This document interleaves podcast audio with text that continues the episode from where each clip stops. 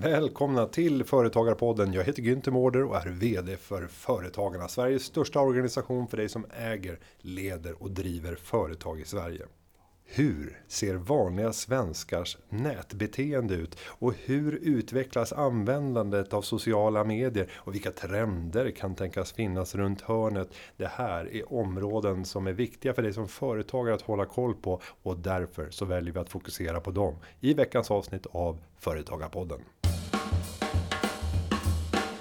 Vi säger varmt välkommen till Jannike Tillå, affärsområdes och kommunikationschef på Internetstiftelsen och talesperson för rapporten Svenskarna och internet. Välkommen! Tack så mycket. En välkänd rapport som har eh, många år på nacken. Berätta. Ja, den här undersökningen eller rapporten har funnits i väldigt många år, men den har såklart ändrat karaktär över tiden. Beroende på att internet har ju blivit mer och mer viktigt i våra liv, så den blir bara mer och mer omfattande. Och eh, på vilket sätt kan man mäta människors användande av internet? Vad använder ni för tekniker? Vi intervjuar människor, dels via telefon men via webbenkäter tillsammans med undersökningsföretaget Novus. Och det man är nyfiken på nu, det är ju vad säger rapporten Svenskarna och internet? Om du får dra några highlights, vilka skulle du särskilt lyfta? Ja, i den senaste rapporten så ser vi tydligt att det fortsätter öka internetanvändandet. Vi ser att de äldre målgrupperna som tidigare har varit lite utanför har börjat komma ikapp. Sju av tio pensionärer e-handlar idag. Det så, det inte, så såg det inte ut för några år sedan. Vi kan se att det finns en begynnande tanke kring integritetsfrågorna som många användare inte har tänkt så mycket på tidigare. Men vi ser att man gör vissa åtgärder för att skydda integriteten. Sociala medier, super, super stor del av den, våra internetdagar. Och eh, alla de här trenderna måste man ju som företagare faktiskt förhålla sig till. När människors beteende förändras så måste företagens beteende förändras i samma höga utsträckning om man ska fortsätta vara relevant. Nu är det inte det ni undersöker, men bedömer du att svenska företagare är duktiga på att ta till sig av de här förändringarna som ni kan observera i rapporten? Det är ju såklart väldigt olika. Men det man kan säga är att det blir mer och mer komplext för alla företag att anamma sociala medier och använda sociala medier på ett vettigt sätt. För de skiljer sig åt väldigt mycket, de olika plattformarna. Och om vi tittar på de stora förändringarna och sen kanske jag testar lite sådär hypoteser som bygger på ej vetenskapliga eh, studier, men, men där jag har en känsla. Så får vi se om du håller med. Jag tänker att Facebook har tappat avsevärt när det gäller användandet i yngre generationer. Men att det fortfarande är en mycket intressant plattform när man ska tilltala de som är 40 plus. Skulle du hålla med mig med grund i rapportens resultat? Både ja och nej. Berätta. Antalet användare minskar inte och det är fortfarande ganska många unga som använder Facebook. Men när det kommer till dagligt användande och hög frekvens användning då är de äldre mycket mer på Facebook idag. Så att du når fortfarande många, men du når dem inte med lika hög frekvens. Och om vi fortsätter att testa lite andra kanaler där uppfattningar så skulle jag säga att Twitter har varit på dekis under ett antal år. Men att det dämpades av eh, Trump som lyckades få ett visst uppsving och även personer som Elon Musk. Men att det inte väger upp för en strukturell trend som är en utförslöpa. Ser ni någon sån trend i rapporten? Twitter fick en liten bump uppåt när vi kallar det för Trump-perioden för Twitter. Men det har aldrig egentligen varit en stor kanal i Sverige. Det är ungefär 6% av internetanvändarna som använder Twitter regelbundet. Men däremot är det en väldigt högljudd och viktig kanal och en väldigt mycket den kanalen som driver många frågor i traditionella medier och vår diskussion på andra digitala plattformar. Så att den är viktig, men den är inte viktig för att nå ut till allmänheten och kanske inte alltid viktig för att nå ut till sina kunder. Ska vi fortsätta att köra lite sådana här tester? Jag tycker det är lite roligt att trycktesta. Eh, då går vi vidare till Youtube och där är min uppfattning att Youtube står fortfarande starkt, men det är tack vare att det är Google som äger, vilket gör att det är viktigt för organiskt sök att ha en film som kommer att positionera sig som en av toppträffarna på ämnet du söker. Men när vi pratar om personer som går direkt till Youtube och konsumerar innehåll så har det minskat i yngre målgrupper på grund av att andra plattformar med kortare och snabbare videoinnehåll, läs TikTok med flera, har vunnit mark. Youtube är fortfarande vår största kanal. Den är jättestor och den är stor i alla åldersgrupper. Det är den ensam om egentligen. Ingen av de andra är lika stark i alla åldersgrupper. Då mäter vi från åtta år till uppåt. Så att eh, jag skulle säga att eh, den har fått tappa viss mark eh, när det kommer till underhållningsdelen. Många använder Youtube för att bli underhållna. Men en fjärdedel använder Youtube för att lära sig nya saker, titta på instruktionsfilmer. Många tittar på nyheter, sport. Så man använder den här kanalen på väldigt många olika sätt. Men den är superstark. Så att jag håller inte riktigt med om din analys, Nej. men bara till viss del. Och om vi då går vidare till eh, TikTok och där kan jag inte uttala mig på ett kvalificerat sätt för jag har själv aldrig lyckats trots en handfull försök att etablera mig och tänka att jag ska lära mig den här kommunikationsplattformen och det stilspråk som finns i den här plattformen. Men jag har aldrig lyckats ja, få det där att kännas hemma eller rätt. Och det får mig att tro etableringen är fortfarande väldigt svag i åldersgruppen 40 plus. Men rör vi oss ner mot 20-åringar och där under så är den urstark. Bra spaning. Den är väldigt tongivande i den unga målgruppen. Jag skulle säga att nästan alltså en klar majoritet av barnen redan på mellanstadiet använder TikTok varje dag. Den är jättestor på högstadiet och sen går det uppåt. Så upp till 20, ja. Äldre målgruppen, inte alls lika tongivande och inte alls lika många användare där. Min nästa analys, om jag ska stanna kvar på TikTok, det är att företagare i hög utsträckning har missat potentialen om man inte är ett större globalt företag som jobbar med en konsumentprodukt och där man har stora marknadsavdelningar som kan klara av att hitta content som funkar i de här kanalerna. Men tittar man på typiska småföretagare så kan de i hög utsträckning dyka upp på Facebook som eh, med köpt marknadsföring. Men på TikTok så är det närmast noll av den här typen av företag. För att min hypotes, jag tror inte att de förstår hur man ska närma sig den här målgruppen i den här kommunikationskanalen. Ja, helt korrekt eh, uppfattat. Jag håller helt med dig.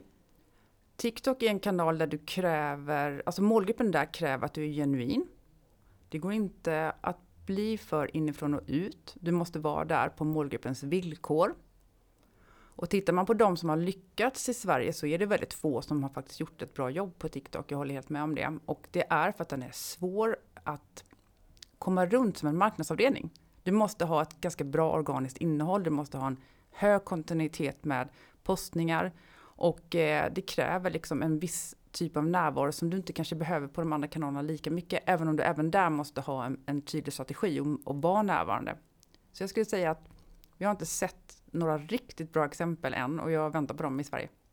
Och sannolikt så är det ett antal lyssnare som nu blir nyfikna på att fundera över hur kan jag nyttja det här? För det är klart att om det inte är trångt i dörren av företag som vill marknadsföra sig så kan det bli formidabel framgång för de som hittar konceptet. Och det får mig osökt att röra mig vidare till Instagram och tillbaka till Facebook och Meta-koncernen.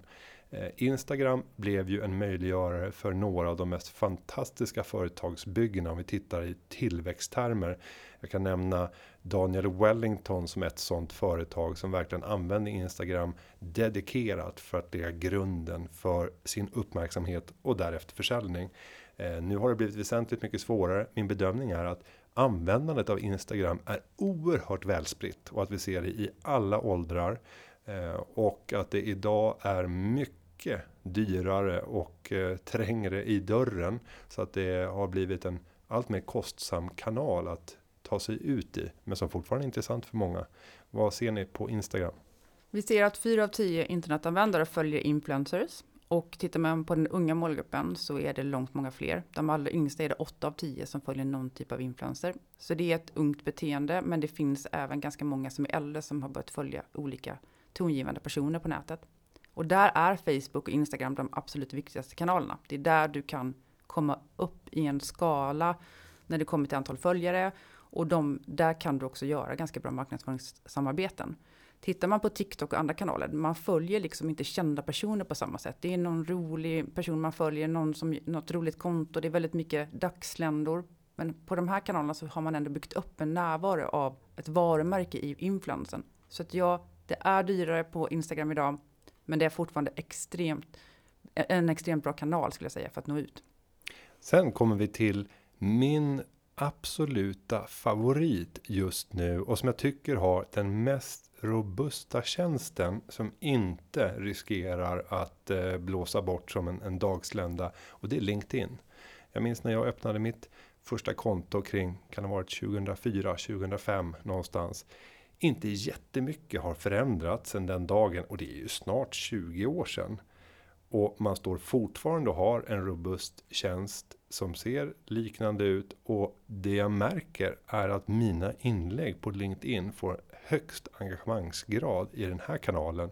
Även om jag kommer med motsvarande innehåll på Twitter, där jag är mycket större, eller på Facebook där det finns en otrolig bredd av, av möjliga mottagare eller Instagram. Det här är den överlägsna plattformen utifrån min vardag. Eh, resonera lite grann kring LinkedIns styrkor och, och framsteg. Ja, LinkedIn som marknadsföringskanal är den fortfarande ganska dyr. Eh, men det beror ju såklart på vilket syfte du har med din marknadsföring. Jag tror kanske att business to business ändå funkar ganska bra. Och jag skulle säga så här, det är ungefär en tredjedel av LinkedIn-användarna som marknadsför sig själv på, på LinkedIn. Och man kan, det man kan se, det är ju att den har blivit lite mer en diskussionskanal. Tidigare så var det väldigt mycket, jag, jag berättar någonting bra jag har gjort eller någonting bra mitt företag har gjort och så säger folk ja det är jättebra, vad roligt eller så är det lite diskussion. Man delar med sig med event och saker som händer på det egna företaget. Idag ser man att det blir en del dialog och diskussion. Jag skulle säga att ibland tänker jag att LinkedIn har blivit lite som Facebook var för ganska många år sedan. Ganska snälla diskussioner fortfarande, men det finns ju en, en glidning åt ett socialt media. Men jag tror att eh, vi är ändå där i vår yrkesroll. Så vi är mer mottagliga. Jag tror det är därför vi får den här räckvidden. Den här organiska räckvidden som jag håller med om, den får man ju inte på samma sätt som individ på de andra kanalerna. Men här om man har ett bra gott innehåll så kan man faktiskt få en bra spridning fortfarande på LinkedIn. Och om vi ska fortsätta att beröra andra kanaler. Vi har inte pratat någonting om Snapchat. Jag vet inte Messengers roll i det hela som, som Facebooks kommunikationsverktyg. Länkat till Instagram också. Eh, eller eh, Twitch eller eh, Discord och andra typer av tjänster. Vill du lyfta fram någonting som du tycker är av betydelse att ha koll på eller känna till någonting kring utvecklingen när det gäller andra typer av kommunikationskanaler eller sociala medier? Ja, men vi kan ta med oss att 7 av 10 unga, 8 till 19 år, umgås med andra på spelplattformar. Det mm. betyder att det är en värld där de är mycket. De tillbringar mycket tid. Och det är väldigt många som tittar på andra som spelar spel online. Jag gjorde alldeles nyss en egen eh, kommunikationsplan för en eh, IT-säkerhetssatsning som skulle gå mot unga och äldre. Vi hade målgruppen 13 till 30 och 65 plus. Eh, och när det gäller den unga målgruppen, då hade vi ingen möjlighet i det här fallet att jobba med TikTok. Så vi jobbade med Twitch, som är en, en kanal som Amazon äger, som är en kanal där man tittar på när andra spelar spel online live.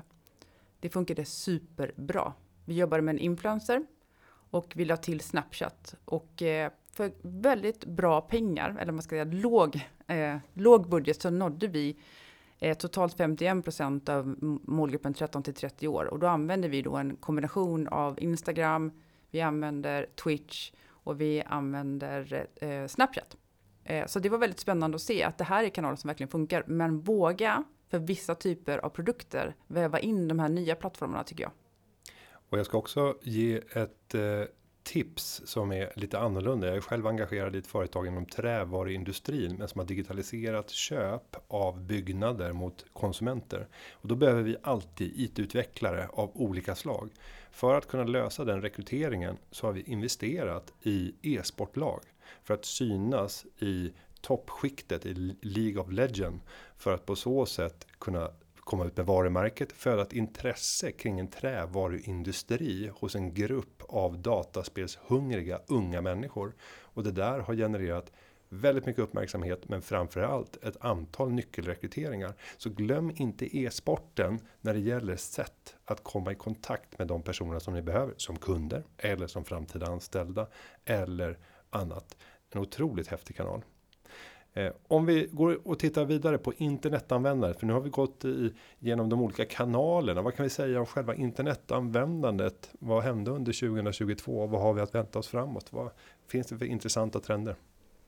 Alltså vi gör lite mer av allt. Eh, och det som, som jag inledde med, den äldre målgruppen som har stått utanför, eh, de börjar komma ikapp. Så tidigare så har ju marknaden varit ganska mättad, vi säger när man mäter andelen som e-handlar eller andelen som tittar på video online eller användare som lyssnar på poddar.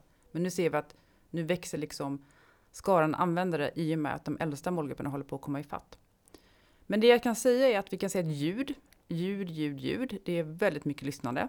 Vi lyssnar på musik, vi lyssnar på poddar, vi lyssnar på böcker. Och on demand. Vi eh, tittar mindre på analog tv eller tv-tv eller vad man nu ska kalla det. Och vi vill titta när vi själva vill. De unga målgrupperna vill kunna titta på den serien, den filmen eller lyssna på det poddavsnittet när de vill. Så att just att kunna välja själv är ju en tydlig trend och den, den började inte nu 2022 men den, den blir allt tydligare. Och om vi tar poddandet och berör det särskilt så har det ju varit en explosion får man säga de senaste tio åren. 2013 så startade jag min första podd. och var det Sparpodden. Det var den första podden utanför Sveriges Radio som var ekonomiorienterad och som pratade om börsen och investeringar. Samma vecka eller om det var veckan efter så kom Börspodden. Det fanns två att välja på. Det var som på den gamla goda tiden. Det finns kanal 1 och, och TV2. Eh, idag när jag tittar på utbudet så räcker det inte 100. Jag tror att det är 200 svenskspråkiga poddar som berör det här ämnet. Nu har jag tittat i ett oerhört smalt segment. Skulle vi gå vidare och titta i del för del inom poddvärlden så ser vi att konkurrensen har ökat något kopiöst. Vad får det här för konsekvenser? Att det är jättesvårt att nå igenom bruset. Det är väldigt ofta man hör någon säga vi startar en podd. Då säger jag så här. Ha då en plan och pengar för att du ska få lyssnare. För har du inte egna andra kanaler för att locka in dina lyssnare så är det supersvårt att nå igenom bruset. Och jag kan bara se med eh, den här podden, Företagarpodden. Nu är vi inne på avsnitt 320. Det har tagit ganska många avsnitt att komma hit. Men vi ligger och taktar på mellan 6000 och 8000 lyssnare normalt sett per avsnitt. Sett i ett svenskt poddperspektiv så är det ganska bra. Eh, går jag tillbaka och tittar på Sparpodden tiden så hade vi enskilda veckor med 50 000 lyssningar. Och där är det nästan ingen som är, om du inte är de här topp 20 poddarna i Sverige. Så konkurrensen har gjort att lyssnandet har fragmenterats till mängder av olika, ofta smalare nischer.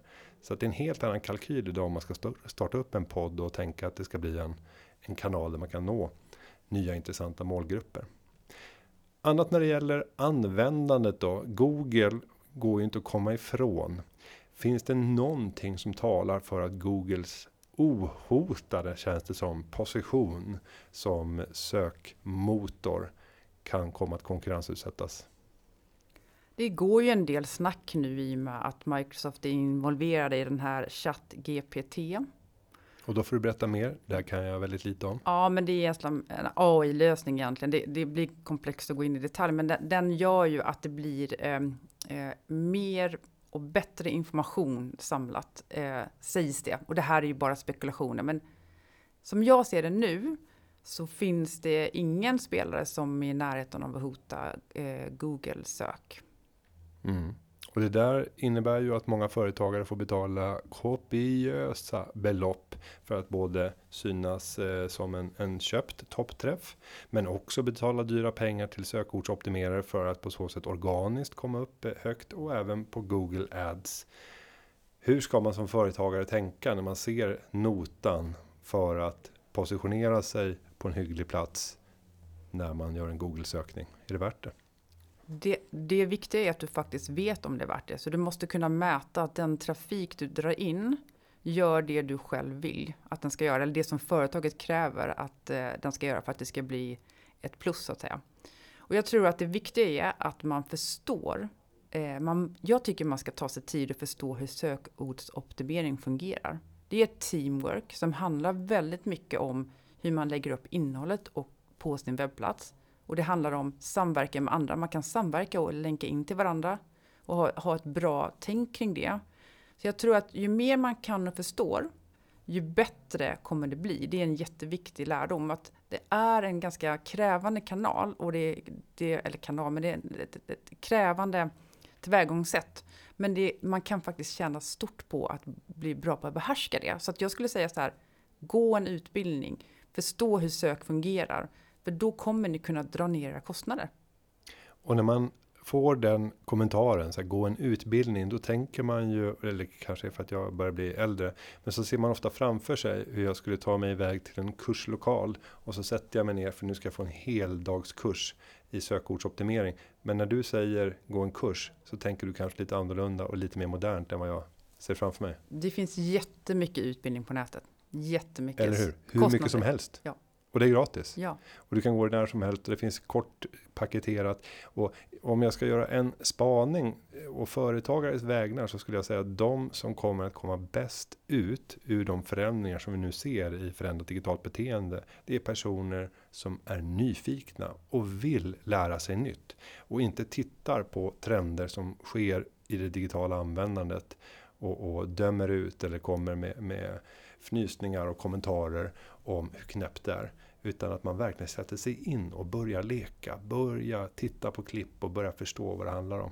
En investering i sökordsoptimering när det gäller kunskaper kring det kommer ju att avkasta sig eh, på ett sätt som inte går att återskapa genom att köpa eh, positionering. För det kommer att bli alldeles för dyrt. Håller helt med. Om vi går vidare och tittar på handelsmönster då. Eh, pandemin innebar ju att vi förändrade vår handel radikalt eh, Eh, påtvingat i hög utsträckning och mer i andra länder om vi tar i Europa till att börja med än vad det var i Sverige. I många länder så var det ju faktiskt de facto närmast utegångsförbudsliknande restriktioner. Vad ser du för bestående effekter av eh, den pandemi som vi i vart fall i ett restriktionsperspektiv har lämnat bakom oss? Jag har sagt det tre gånger tror jag. Det är den äldsta målgruppen som har börjat e-handla. Eh, de har, pensionärerna har inte e-handlat i så stor utsträckning som de gör nu. Så de ändrade sitt beteende för att de var tvungna. De var också de, eh, de personer eller de, de grupper som eh, kanske behöv, hade högst risk att gå ut. De var ju väldigt utsatta för, alltså behövde skydda sig. Och eh, så det är en del. Och sen så, så är det så här att vi är ju, och långt innan pandemin så är vi ett e-handlande folk. Vi har e-handlat länge, vi har utvecklat e-handeln i Sverige under många, många år. Vi har ju legat långt före andra länder. Så att eh, marknaden är någorlunda mättad i antal e-handlare, eller antal personer som e-handlar. Men det man kan se det är att eh, det blir spännande att se om vissa grupper av varor kommer fortsatt vara lika intressanta att handla. Vi såg ju då att man handlade medicin på nätet under pandemin. Man handlade mat. Fortsatt är det ju inte så många som handlar mat på nätet. Vi har väntat på det stora, det stora genombrottet för e-handel av mat på nätet, men det har inte riktigt kommit än. Det är fortfarande väldigt kopplat till den äldsta, eller till den mest rika målgruppen. Vi brukar säga att det är mer, medelklassföräldrar eh, med två barn i Bromma som fortfarande e-handlar mat. Men vi, vi såg att nya grupper testade nya områden, så det här ska bli spännande att följa. Hur kommer det här sluta? Kommer det bli att man ändrar sina beteenden kring de här typen av dagligvaror, medicin. Det vi kan se är att man handlar sina kläder online. I Svenskan inte så frågar vi eh, vilka typer av varugrupper eh, handlar du primärt på nätet? Alltså handlar du oftare på nätet än du gör i en butik? Och då ser vi att det är till exempel kläder. Eh, så klädhandeln har liksom tagit det där steget. Det är fler som handlar sina kläder på nätet än i en butik. Men vi ser inte det på samma sätt när det gäller mat eller andra typer av varor. Så det blir spännande att se. Jag tror det blir fler områden där man kommer e-handla. Eh, men vi vet ju inte riktigt hur det kommer sluta. Nej, och vi kan väl konstatera där på kläder att de dras med en gigantisk utmaning också och det är returerna som ofta gör att eh, de flesta får man nog säga näthandlare av eh, kläder går back. Eh, man må växa tack vare att man erbjuder ett attraktivt pris men till följd av alla returer så gröps marginalen ur. Och, och, där finns det ju en spelförändrare möjligen när vi kan få kroppsscanning på plats och att vi har en och sam, ett och samma format som vi kan använda när vi går ut på nätet och faktiskt se hur kläderna kommer att sitta på din kroppsform. För så svårt är det ju inte att göra det. Eh, men ändå så har ingenting hänt. Jag har sett flera företag som har lanserat modeller men ingen har vunnit eh, hävd och, och blivit den naturliga standarden. Tror att vi står inom en nära framtid och kan gå iväg och göra en kroppsscanning, ha en file av vår egen kropp och gå ut på alla stora eh, klädesbutiker på nätet för att testa kläder. Jag tror faktiskt att det är lite längre kvar. Mm. Tittar vi vidare på områden som ställs inför nya hot. Högaktuellt just nu, det är att eh, man eh, diskuterar ett eventuellt förbud mot att lämna ut läkemedel i brevlådan utan att mottagaren kan ta emot och göra en, en sign-off på att det är rätt person som har tagit emot läkemedlet.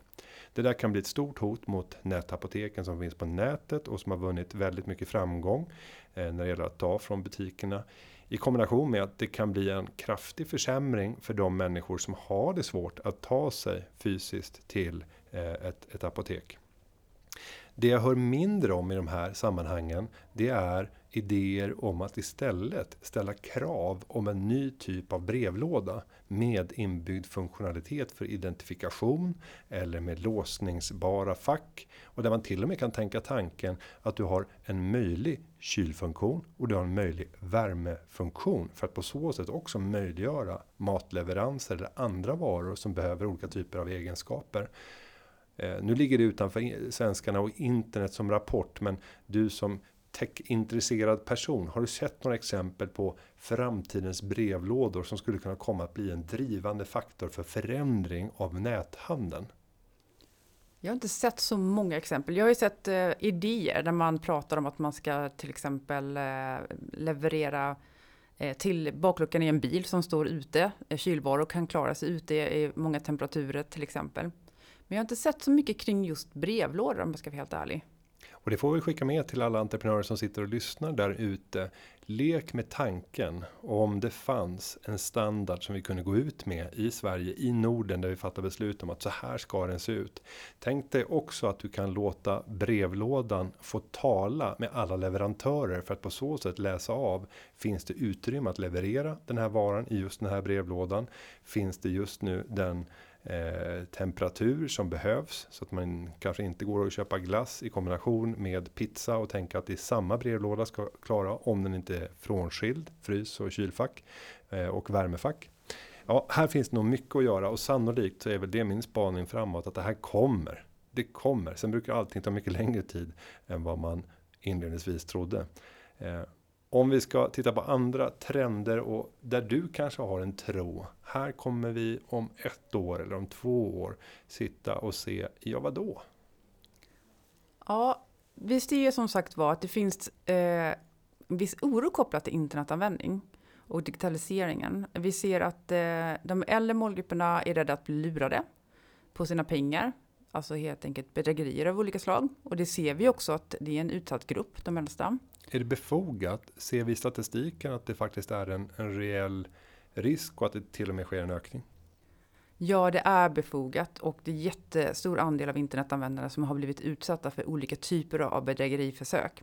Man kan se att den vanligaste är att man får mejl eller sms där man försöker få någon att klicka på en länk.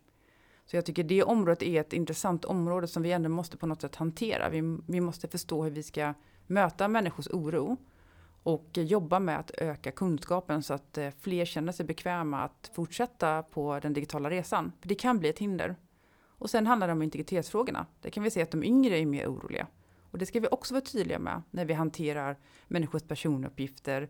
Att vi är tydliga med varför vi gör det. Och det, det ska vi enligt lag vara, men det sker ganska mycket läckor och, och andra problem.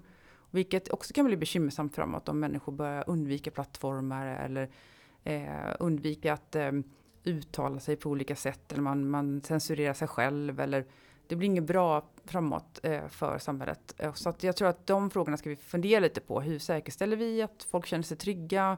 Hur kan vi vara tydliga och transparenta eh, som företagare mot våra kunder? Jag tycker många pratar om att man vill ha mycket data. Man pratar om data är väldigt viktigt. Och det är jätteviktigt, men jag tycker också att man ska ha respekt för användarna och berätta hur man använder datan och vilken nytta de kanske har av datan. Eh, alla förstår ju inte eh, varför man behöver användarnas data. Men vi som jobbar med företagande och digitalisering förstår ju och att det är väldigt viktigt smörjmedel för att faktiskt utveckla bra tjänster och produkter för slutanvändaren. Och det tycker jag vi ska bli mycket tydligare med att berätta. Och jag tänker också på skillnader i eh, beteende kopplat just till integritetsfrågan. För mig är det ju alltid självklart, sen kanske det kommer med eh, den natur som finns i att jag är en organisationsföreträdare. Jag vill ju alltid vara sökbar och hittbar. När jag sen tittar på min tioåriga dotter så gör hon aktiva insatser för att inte bli hittad. Och hon har på en av kommunikationskanalerna tre olika konton. Och hon har tre helt olika syften med respektive konto. Jag skulle aldrig komma på tanken att ha tre olika konton. Utan det skulle bli för mycket att administrera. Och jag ville bara ha en värld som jag lever i. Inte olika. Och det där är ju en integritetsfråga för henne. Men där jag är helt bortanför det. Jag kan aldrig tänka mig. Är det den här typen av mönster som man ser i den unga generationen när det kommer till just de här integritetsdimensionerna? Ja, eh, det är delvis det. Och det är att man är inte lika frikostig med att dela bilder på sig själv och man funderar kring hur man uttrycker sig och man har en förståelse för att det man säger kommer finnas kvar. Vi som är lite äldre då, Eh, vi kastade oss in i det här med det digitala och sociala medier och vi har ju inte reflekterat kanske lika mycket på vad det här lämnar efter sig för spår. Och jag brukar prata om att det är ju en sak det du själv kan göra. Och sen är det saker som man inte alltid förstår. Eh, man kan inte förstå ibland hur det pusslet kan läggas om en när man tar in alla typer av datapunkter. Det jag själv säger, det jag gör, vem jag pratar med, var jag befinner mig och så vidare och så vidare. Ibland hänger vi upp oss på kanske mindre integritetsinkränkande saker som oj, de där skorna som jag sökte på på Google, nu dök de upp på Facebook. Och så tycker man att det är jobbigt. Det kan jag förstå. Men samtidigt så är inte det kanske det som är det värsta. Eh, det är egentligen inte, de vet inte vem du är eh, på den här e-handeln bara för att du har varit där, utan det är en cookie som följer dig. Men det pusslet som kan läggas om mig på Facebook, det är mycket, mycket värre. Och nu vill jag testtrycka på någon som inte har ett eh, beroende men som har insikter och sannolikt kan ge ett svar på frågan. Här, spelar vår digitala utrustning, det vill säga en iPad eller en mobiltelefon, in vad vi säger för att sen styra marknadsföringen? Jag ser i fall efter fall för egen del eh, där det dyker upp helt absurda saker och där jag vet att precis det här har vi pratat om. Jag ska ta ett exempel. Jag eh, har haft ett problem under eh, lång tid att jag gärna vill ha min arm under min respektives kudde. Jag tycker det är en jättehärlig upplevelse när man ska gå och lägga sig och hon tycker precis tvärtom. Eh, och eh, det här yttrar sig ofta i att hon säger ta bort armen under kudden eh, och liknande kommentarer. Och sen plötsligt efter ett tag så dyker det upp marknadsföring för en kudde med ett hål i där jag kan stoppa in min arm. Och det här är så, här, det är så, det är så unikt och så extremt och jag har aldrig någonsin sett det tidigare. Och det träffar så oerhört rätt och precis i en period då det här har varit oerhört vanligt förekommande. Så jag kan inte se annat än att man har tagit upp vad som har sagts och ljudet från min mobiltelefon eller iPad och sen registrerat det med min kontoinformation och köpt riktad, riktad marknadsföring. Är jag eh, naiv eller eh, händer det här? Eh, ja, vårt svar är nej, det händer inte. Eh, vi tror ofta att det händer, det är inte ovanligt att de här frågorna dyker upp. Men du kan ju förstå då vilken typ av datamängd det skulle handla om. Om vi ska spela in alla samtal som pågår, sen kunna processa det, till att bli en möjlig riktad annons. Det är ett ganska långt steg och eh, det finns egentligen många som har försökt att bevisa att det sker en inspelning. Och det är ingen som har lyckats och jag tror att det är väldigt många som fortsätter försöka för det är säkert många som vill avslöja det här om det skulle vara så. Eh, men vi, vi ser inga tecken på att det skulle kunna vara så. Eh, och eh, vi tror ofta att det handlar om andra saker. Man kan ha, någon annan man känner kan ha sökt på någonting och så är man på samma plats. Det är massa datapunkter och möj tekniska möjligheter som gör att det, det känns obehagligt för det, att man tror att man har blivit inspelad. Men egentligen kanske det mer handlar om att jag och min kompis har sökt på någonting båda två. Eh, vi har varit på samma plats och sen så blir det datapunkter som gör att det här, det här, den här målgruppen, de här personerna kanske är intresserade av just det här just nu.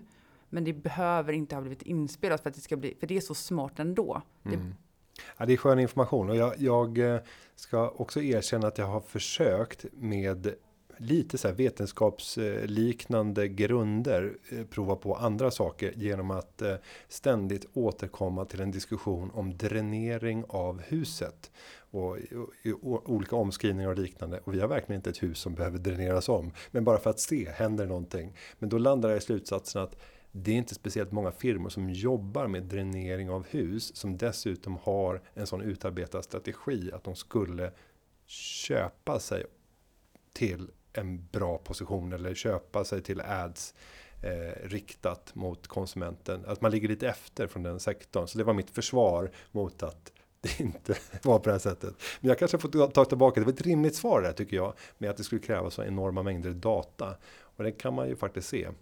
Eh, vi håller, hur många enheter har vi per person i Sverige nu uppkopplade? Oh, det är lite olika. Eh, mm. många har ju lagt väldigt mycket av krutet på en och det är mobilen. Tittar vi bakåt så hade man en iPad, en dator och en mobil. Men många unga fokuserar ju bara på sin mobil. Sen kanske man har någon eh, eh spelplattform också. Eller någon speldevice. Jag har faktiskt gjort samma sak som du. Eh, jag och min son som är 15 år, vi, har, vi gillar inte golf, vi är inte intresserade av golf. Vi har pratat jättemycket om golf hemma på olika sätt. Och tittat, och golf är ju ändå liksom en... Det är många som köper, ja. det vet jag. Mm. Eh, men vi har inte heller fått några eh, annonser om golf. Men mm. man kan ju testa där ute. Men kom ihåg, det är det här osynliga tekniska pusslet som kan läggas om oss som kan vara väldigt träffsäkert. Om vi sen går vidare och tittar på traditionell media så har vi ju våra fysiska tidningar, men framförallt för ert vidkommande att mäta vad sker i de digitala upplagorna. Både vad anbefaller de eh, närmast pdf-liknande blädderfunktionerna som man kan få på den tryckta versionen, men också när det gäller nyhetskonsumtionen. Vad ser ni när det kommer till just nyhetskonsumtionen via traditionella tidningar, men i digitalt format? Men idag ser vi generellt att de unga, eh, där är ju internet den viktigaste kanalen för nyheter. Eh, och framförallt sociala medier. Så där kan man väl se att tillskottet kommer ju bli sociala medier. Det kommer fortsatt bli en väldigt viktig kanal att dra in till de olika traditionella mediebolagens eh, plattformar av olika slag. Och vi kan se när det gäller just att konsumera tidningar i print eller i pappersformat så är det absolut den äldsta målgruppen som fortfarande gör det. Vi kan se att det finns viss betalningsvilja eh, när det gäller nyheter. Men vi är inte alls lika glada i att betala för nyheter om man jämför med hur glada vi är att betala för att lyssna på musik och titta på streamad film och serier. Och eh, skillnaden där det är ju att det är en aktör som styr och bestämmer innehållet. Det kan man ju säga även på streamingplattformarna, men, men det är mycket större eh, mångfald. Det finns ju ett antal plattformar som erbjuder en större mångfald. Inte på dagstidningsbasis, va? men då är det mer på månadsmagasin och liknande typ aktörer som Readly eller andra. Eh, kan man se någon, någon skillnad där när det gäller viljan när du får ett, ja det heter inte streamat då, vad kallar man ett sånt innehåll där du kan nå mängder av olika magasin. Vad ska vi? Kurerat innehåll. Kurerat innehåll. Eh, den typen av, eh, av försäljningsteknik där man ger ett utbud som är närmast okonsumerbart men till ett eh, obetydligt pris. Hur pass intressant är det för användarna? När det kommer till nyheter så finns ju ingen som riktigt har lyckats. Eh, Omni är väl den som har kommit längst eh, och de har ju faktiskt en premiumprodukt nu så du kan betala. Men annars är vi ju väldigt fokuserade på varumärkena när det gäller just traditionella medier och, tidningar. Vi läser eh, våran eh, lokala morgontidning. Vi är inte så intresserade av att läsa eh, grannkommunens ens morgontidning ibland. Och eh, när det gäller då storstads, storstadspressen så är det ju att man kanske antingen är Svenskan eller DN, man kanske inte har båda. Så här ser vi att det fortsatt är ett ganska så här liknande grepp som har funnits långt innan de digitala medierna kom. Man, man utgår från varumärken. Sen kan man ju se att många barn idag växer inte upp med en papperstidning på eh, köksbordet eh, som eh, jag gjorde. Så att de möter ju inte och har inte samma relation till de här varumärkena. Det är nog därför man också egentligen ser sociala medier som den viktigaste plattformen för nyheter. För man bryr sig inte så mycket om från vilken källa det kommer, utan man konsumerar nyheter per se. Medan många av oss som är äldre kanske har valt några varumärken. Mm. Ja, det finns hur mycket som helst att gräva sig ner när det kommer till just användandet av internet och digitala tjänster. Om vi nu ska avsluta med att slå ett slag för att faktiskt sätta sig ner med en digital version av svenskarna och internet. Vad är det som kommer att möta den som väljer att eh, bläddra sig igenom och ta del av, av innehållet? Eh, hur stor är omfattningen? Alltså den är ju jättestor. Den är ju flera hundra sidor lång om du skulle ha pdf-versionen framför dig. Men den finns på svenskan och där kan du gå in per kapitel. Och där kan du hitta passande kapitel beroende på eh, vad du vill veta. Och här har vi ju pratat om mycket marknadsföring och kommunikation och vad man når målgrupperna. Men det är också viktigt att förstå hur bra människor är på att hantera vissa saker som till exempel bank-id och kunna legitimera sig det är också bra att förstå hur man kan utveckla nya produkter. Vi har ett helt avsnitt som handlar om framtiden. Där kan man eh, ta del av alla respondenternas eh, tankar kring vad de tror att eh, den digitala framtiden kommer innebära. Det finns säkert jättemånga uppslag för nya produkter och tjänster. Ja, det finns mycket spännande läsning att göra och sen ska man ju alltid vara källkritisk och då vill man ju förstå Internetstiftelsen. Vad är det för någonting egentligen? Kan man lita på internetstiftelser? Och kan man ens ha en stiftelse för internet? Inte internet fritt? Vem är det som äger? Berätta eh, om vi ska få en, en eh, källhänvisning här till internetstiftelsen. Ja. ja, Internetstiftelsen, vi är en oberoende eh, privat stiftelse eh, som verkar för ett internet som bidrar positivt till människa och samhälle. Och vi finns egentligen från början för att vi har hand om den svenska toppdomänen.se. Och vi har administrerar även .nu. Så att eh, ni där ute som har en .se eller .nu-adress, delar av de pengarna som går, mm, som ni betalar varje år eh, för att ha den adressen, går in i stiftelsen. Eh, och eh, våran urkund som styr oss säger att vi ska återinvestera de pengarna för att möjliggöra att många kan använda internet på ett bra och säkert sätt. Så vi jobbar väldigt mycket med utbildning, vi jobbar med konferenser, den här stora undersökningen Svenskarna och internet. Vi utbildar barn i digital kompetens och pensionärer i IT-säkerhet. Så vi jobbar med väldigt många olika saker. Så man kan gå in på internetstiftelsen.se och läsa på.